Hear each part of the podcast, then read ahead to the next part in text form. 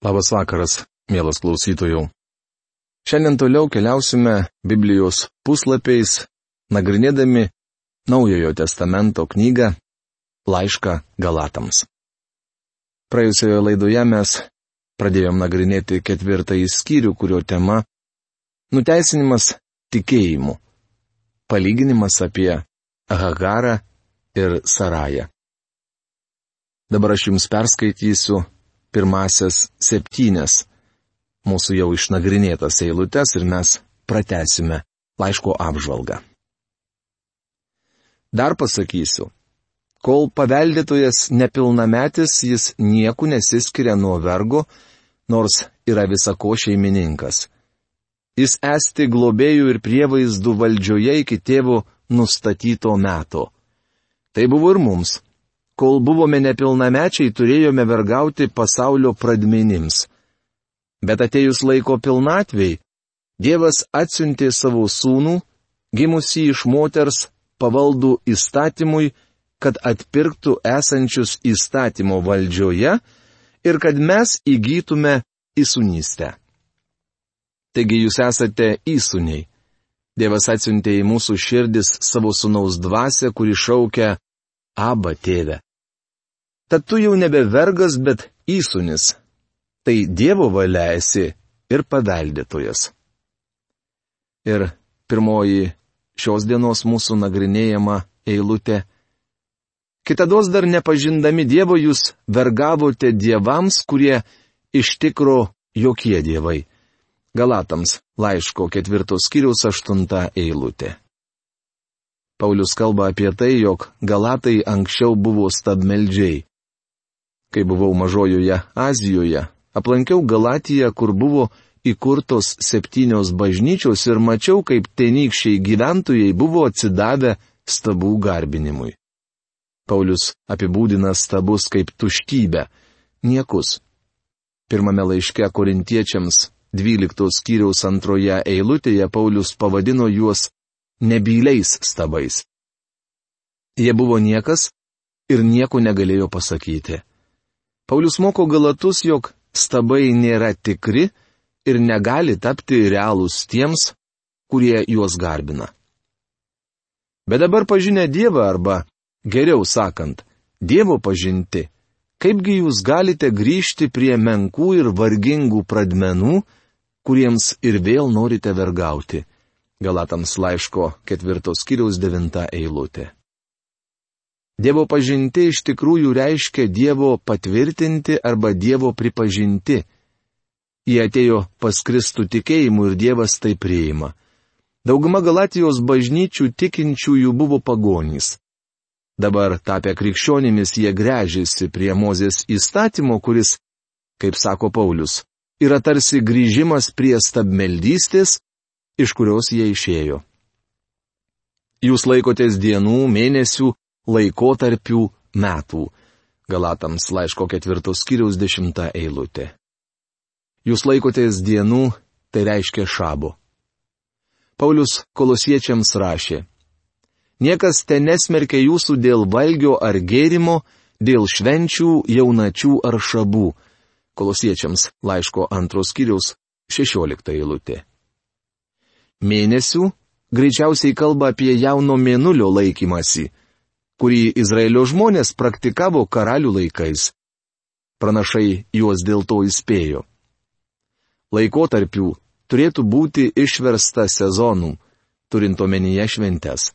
Dievas davė Izraeliui keletą švenčių, tačiau jos visos rodė į viešpati Jėzų Kristų. Metų, žinoma, kalba apie šabo metus. Išvardintų dalykų laikymasis šiuos pagonių tikinčiuosius visiškai sugražintų prie Mozės įstatymo. Šiandien tenka girdėti, kaip legalistai skelbėsi besilaiką Mozės įstatymo, tačiau jie laikosi tik šabo dienų. Mano draugė, visas įstatymas yra neskaidomas, į jį įeina tiek šabo, tiek jubiliejiniai metai. Savo laiške Jokūbas rašė, Mat kas laikosi viso įstatymo, bet nusižengia vienu dalyku, tas lieka kaltas ir dėl visų. Jokūbo laiško antros kiriaus dešimta eilutė. Tai reiškia, jog jis įstatymo laužytojas. Aš tikrai baiminosi dėl jūsų, kad kartais nebūčiau veltui triūsęs jūsų labui. Galatams laiško ketvirtos kiriaus vienuolikta eilutė.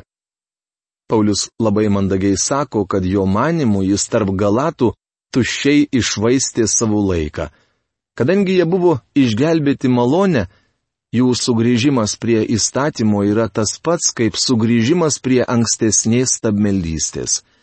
Paulius priminė, kad jie pažino Dievą ne per Mozės įstatymą, bet per tikėjimą Jėzumi Kristumi. Dabar prieartėjome prie asmeninės dalies. 12-18 eilutės. Paulius savo laiške įterpia mandagų žodį. Tapkite tokie kaip aš, nes ir aš esu tapęs toks kaip jūs. Maldauju jūs, broliai. Jūs nesate manęs įžeidę. Galatams laiško ketvirtos kiriaus 12 eilutė. Juozapo Skvirecko vertime šia eilutė skamba taip. Būkite kaip aš, nes ir aš esu kaip jūs. Broliai, maldauju jūs. Jūs manęs nieku neįžeidėte. Tapkite tokie kaip aš yra tikslesnis vertimas nei būkite kaip aš.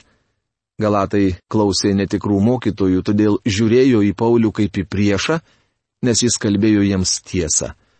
Paulius sako, mes visi sėdime toje pačioje valtyje Visi esame tikintieji, visi Kristaus kūne.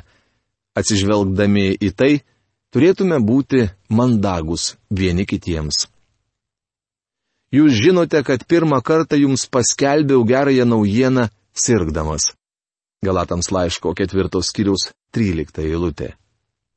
Dabar Paulius kreipėsi į juos, primindamas dyglį savo kūnę. Kas buvo tas dyglys? Skaitykime toliau. Mano kūno negale buvo jums išmėginimas, bet jūs jo nepaniekinote ir neatmetėte, o mane priėmėte kaip Dievo pasiuntinį, kaip patį Kristų Jėzų. Galatams laiško ketvirtos kiriaus keturiolikta eilutė. Mano kūno negale buvo jums išmėginimas, kalba apie išbandymą, kurį kitur jis vadina dygliu kūne.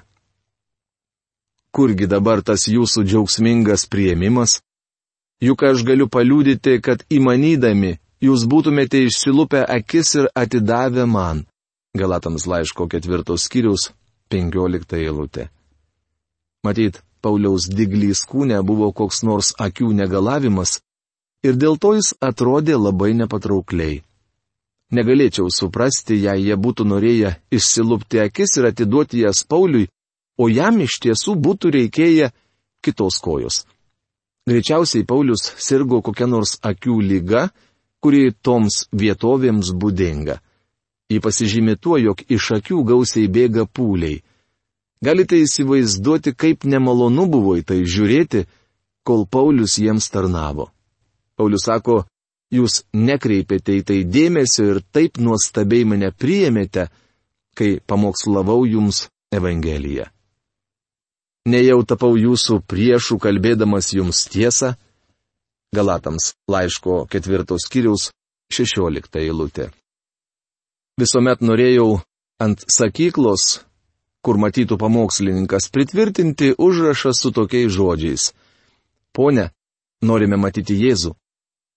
Kai tarnavau Los Andželo mieste pastoriumi, vienas puikus bažnyčios tarnautojas, sužinojęs tokį mano norą, jį išpildė.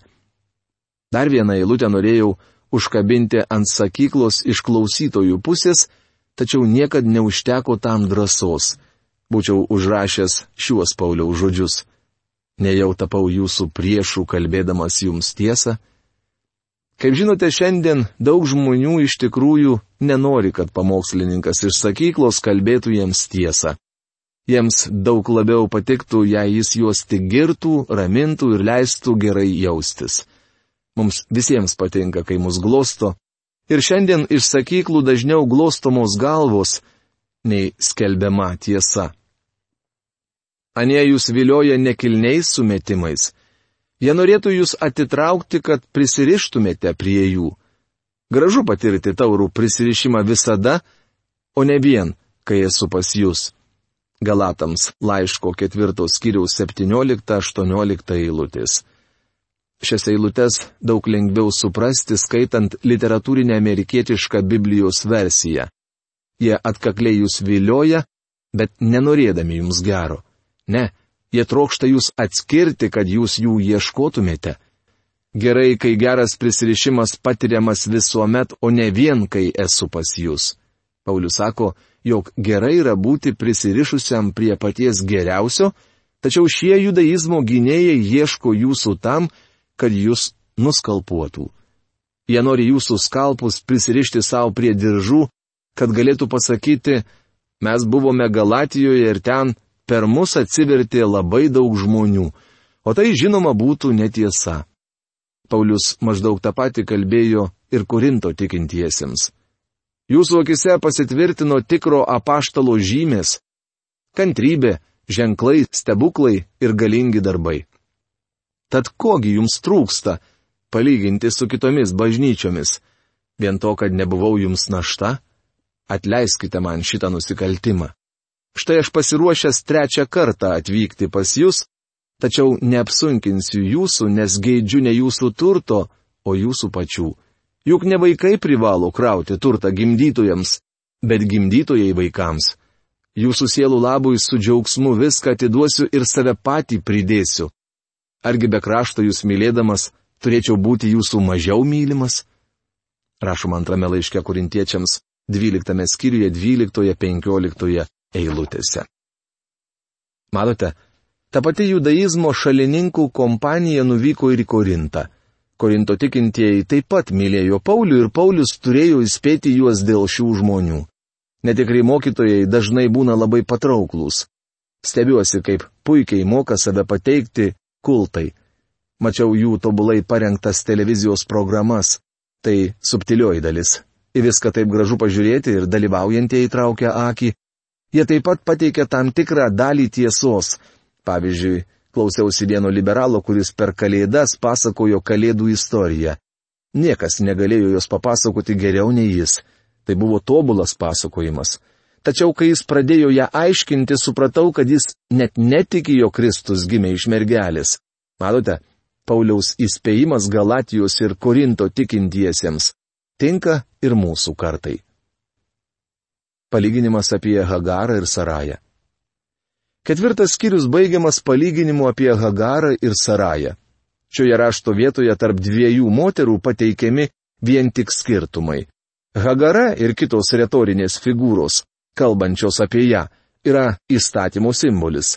Saraje ir kitos retorinės figūros kalbančios apie ją yra tikėjimo Kristumi simbolis. Mano vaikeliai, kuriuos aš ir vėl su skausmu gimdau, kol jumise išriškės Kristaus atvaizdas. Galatams laiško ketvirtos skyrius 19 eilutė. Paulius skiria savo pavyzdį Galatijos tikintiesiems naudodamas švelnę frazę mano vaikeliai. Vaikai yra graikų kalbos žodis teknija, kuris reiškia gimusysis. Paulius turėjo labai švelnę širdį ir čia save palygina su motina. Aš norėčiau būti dabar pas jūs, kad žinočiau, kaip prabilti, nes neišmanau, ką man su jumis daryti. Galatams laiško ketvirtos skyrius 20 eilutė. Paulius norėjo būti pas juos, kad galėtų su jais kitaip kalbėti. Jis buvo labai susirūpinęs dėl šių žmonių. Savo laiškiais rašė griežtai, tačiau jo širdis buvo švelni. Pasakykite man, jūs norintys būti įstatymo valdžioje, ar negirdite įstatymo? Galatams laiško ketvirtos skyriaus 21 eilutė. Yra žmonių, kurie kalba apie dešimt Dievo įsakymų arba kokią nors teisinę sistemą, tačiau nutylė apie bausmę, kurią įstatymas užtraukia. Jie neparodo įstatymo kaip visiško tarnavimo pasmerkimui.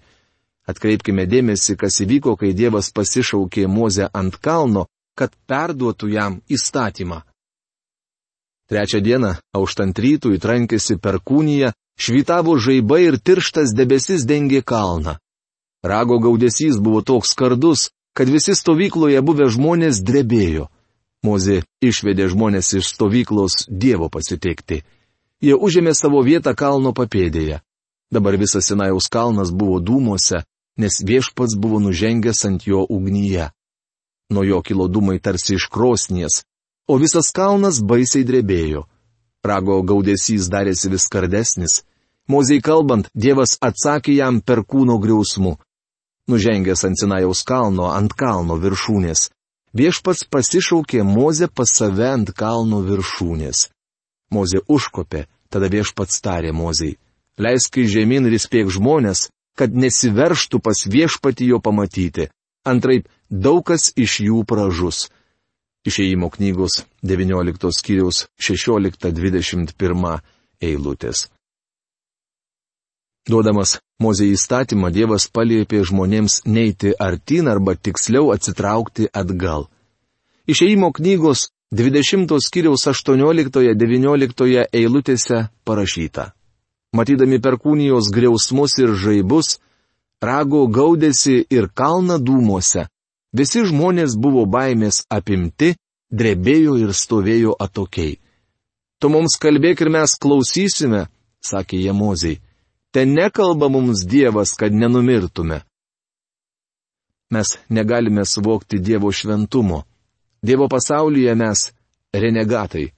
Dievo pasaulyje mes esame pražuvę nusidėjėliai, neturintys jokių sugebėjimų juo sekti ir jam paklusti. Laiško romiečiams 8 skyriaus 6 eilutėje parašyta. Kūno rūpeščiai veda į mirtį, o dvasios rūpeščiai į gyvenimą ir ramybę. Kūniškas mąstymas priešiškas Dievui. Mano draugė, pasaulis yra sukilęs prieš Dievą. Jis nėra Dievo pusėje. Pasaulis negerėja. Kiekvieną dieną jis darosi vis piktesnis, o jis juk buvo piktas jau tą dieną, kai Dievas Adomą ir Jėvą išvijo iš Edeno sodo. Toliau laiško romiečiams 8 skyriaus 7 eilutėje parašyta. Kūno rūpeščiai priešiški Dievui. Jie nepaklūsta Dievo įstatymui ir net negali paklusti. Todėl visai nenuostabu, kad Izraelio vaikai drebėjo ir pasitraukė nuo kalno sakydami, mes mirsime. Mano draugė, Dievas šventas, išaukštintas ir gyvena aukštybėse, šlovėje. Mes esame žemėje ir pasaulyje kepame smėlio pyragus, nes fiziškai esame padaryti iš žemės. Mes, kūriniai gyvenantys žemėje, dar turime įžulumo priešintis Dievo valiai. Kūniškas mąstymas priešiškas Dievui. Tokia žmogaus pozicija pasaulyje. Paulius ragina, paklausykite, ką kalba įstatymas, jūs jo dar negirdėjote. Tai buvo tiesa.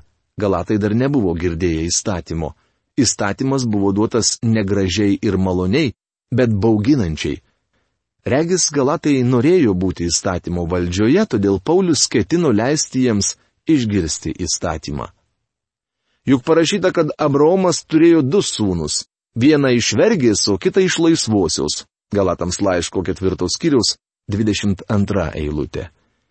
Naudodamas Abromo gyvenimo pavyzdį, kuris užrašytas pradžios knygos 16, 17, 18, 20, 21 skyriuose, Paulius ketina parodyti kontrastą tarp dviejų Hagarai ir Sarajai gimusių berniukų. Vienas buvo vergės sūnus, o kitas laisvosios. Laisvoji simbolizuoja malonę, o vergė - Mozės įstatymą. Palyginime jis ketina išdėstyti jų skirtumus. Paulius nesako, jog Abromo istorija alegorija, nors kai kurie įsiaiškino šį teiginį būtent taip. Tačiau Pauliaus nuomonė tai, kad dvi moterys Abromui pagimdė sūnus, turi perkeltinę prasme. Šiandien tai mums aktualu.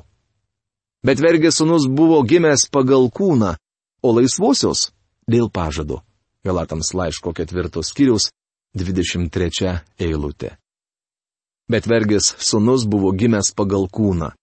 Hammurabi kodeksas dominavęs kultūroje Abromo laikais teigė, jog vergės sunus vergas.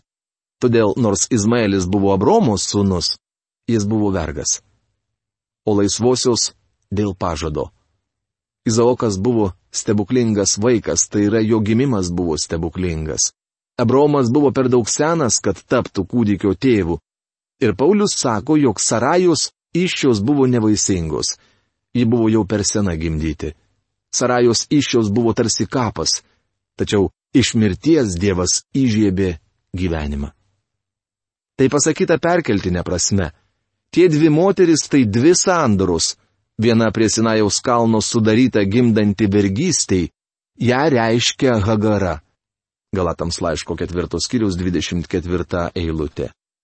Tai pasakyta perkeltinė prasme reiškia, jog šie įvykiai Abromo gyvenime turi perkeltinę prasme. Paulius išvelgia tame pamoką.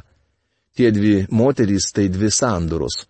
Pirmoji yra įstatymo sandūra, kurią Mozė gavo iš Dievo ant Sinajaus kalno. Ja reiškia Hagara. Agar yra graikiška vardo Hagara forma. Paulius palygina Hagarą su Sinajaus kalnu, kuris yra Mozės įstatymo sinonimas. Hagara tai Sinajaus kalnas Arabijoje. Ji atitinka dabartinę Jeruzalę, nes šioji vergauja su savo vaikais. Galatams laiško ketvirtos kiriaus 25 eilutė. Pauliaus alegorijoje Hagara yra Sinajaus kalnas, kuris atitinka Jeruzalę.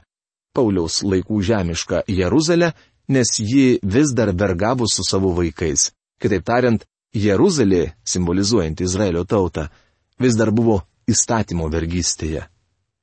Bet aukštybių Jeruzalė laisva ir ji yra mūsų motina.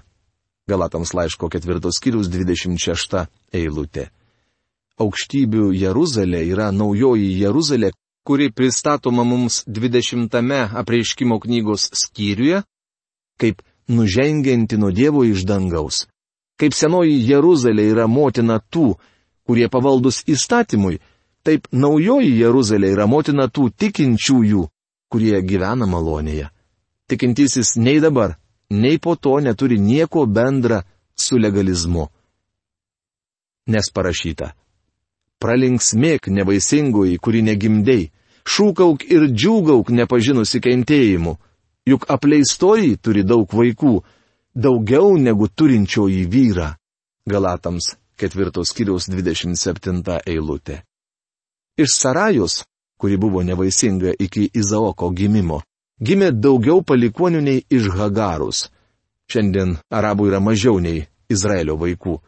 Šioje alegorijoje Paulius sako, jog malonės laiku Dievas išgelbsti daugiau žmonių nei išgelbėjo Mozės įstatymo laiku dėl aukų.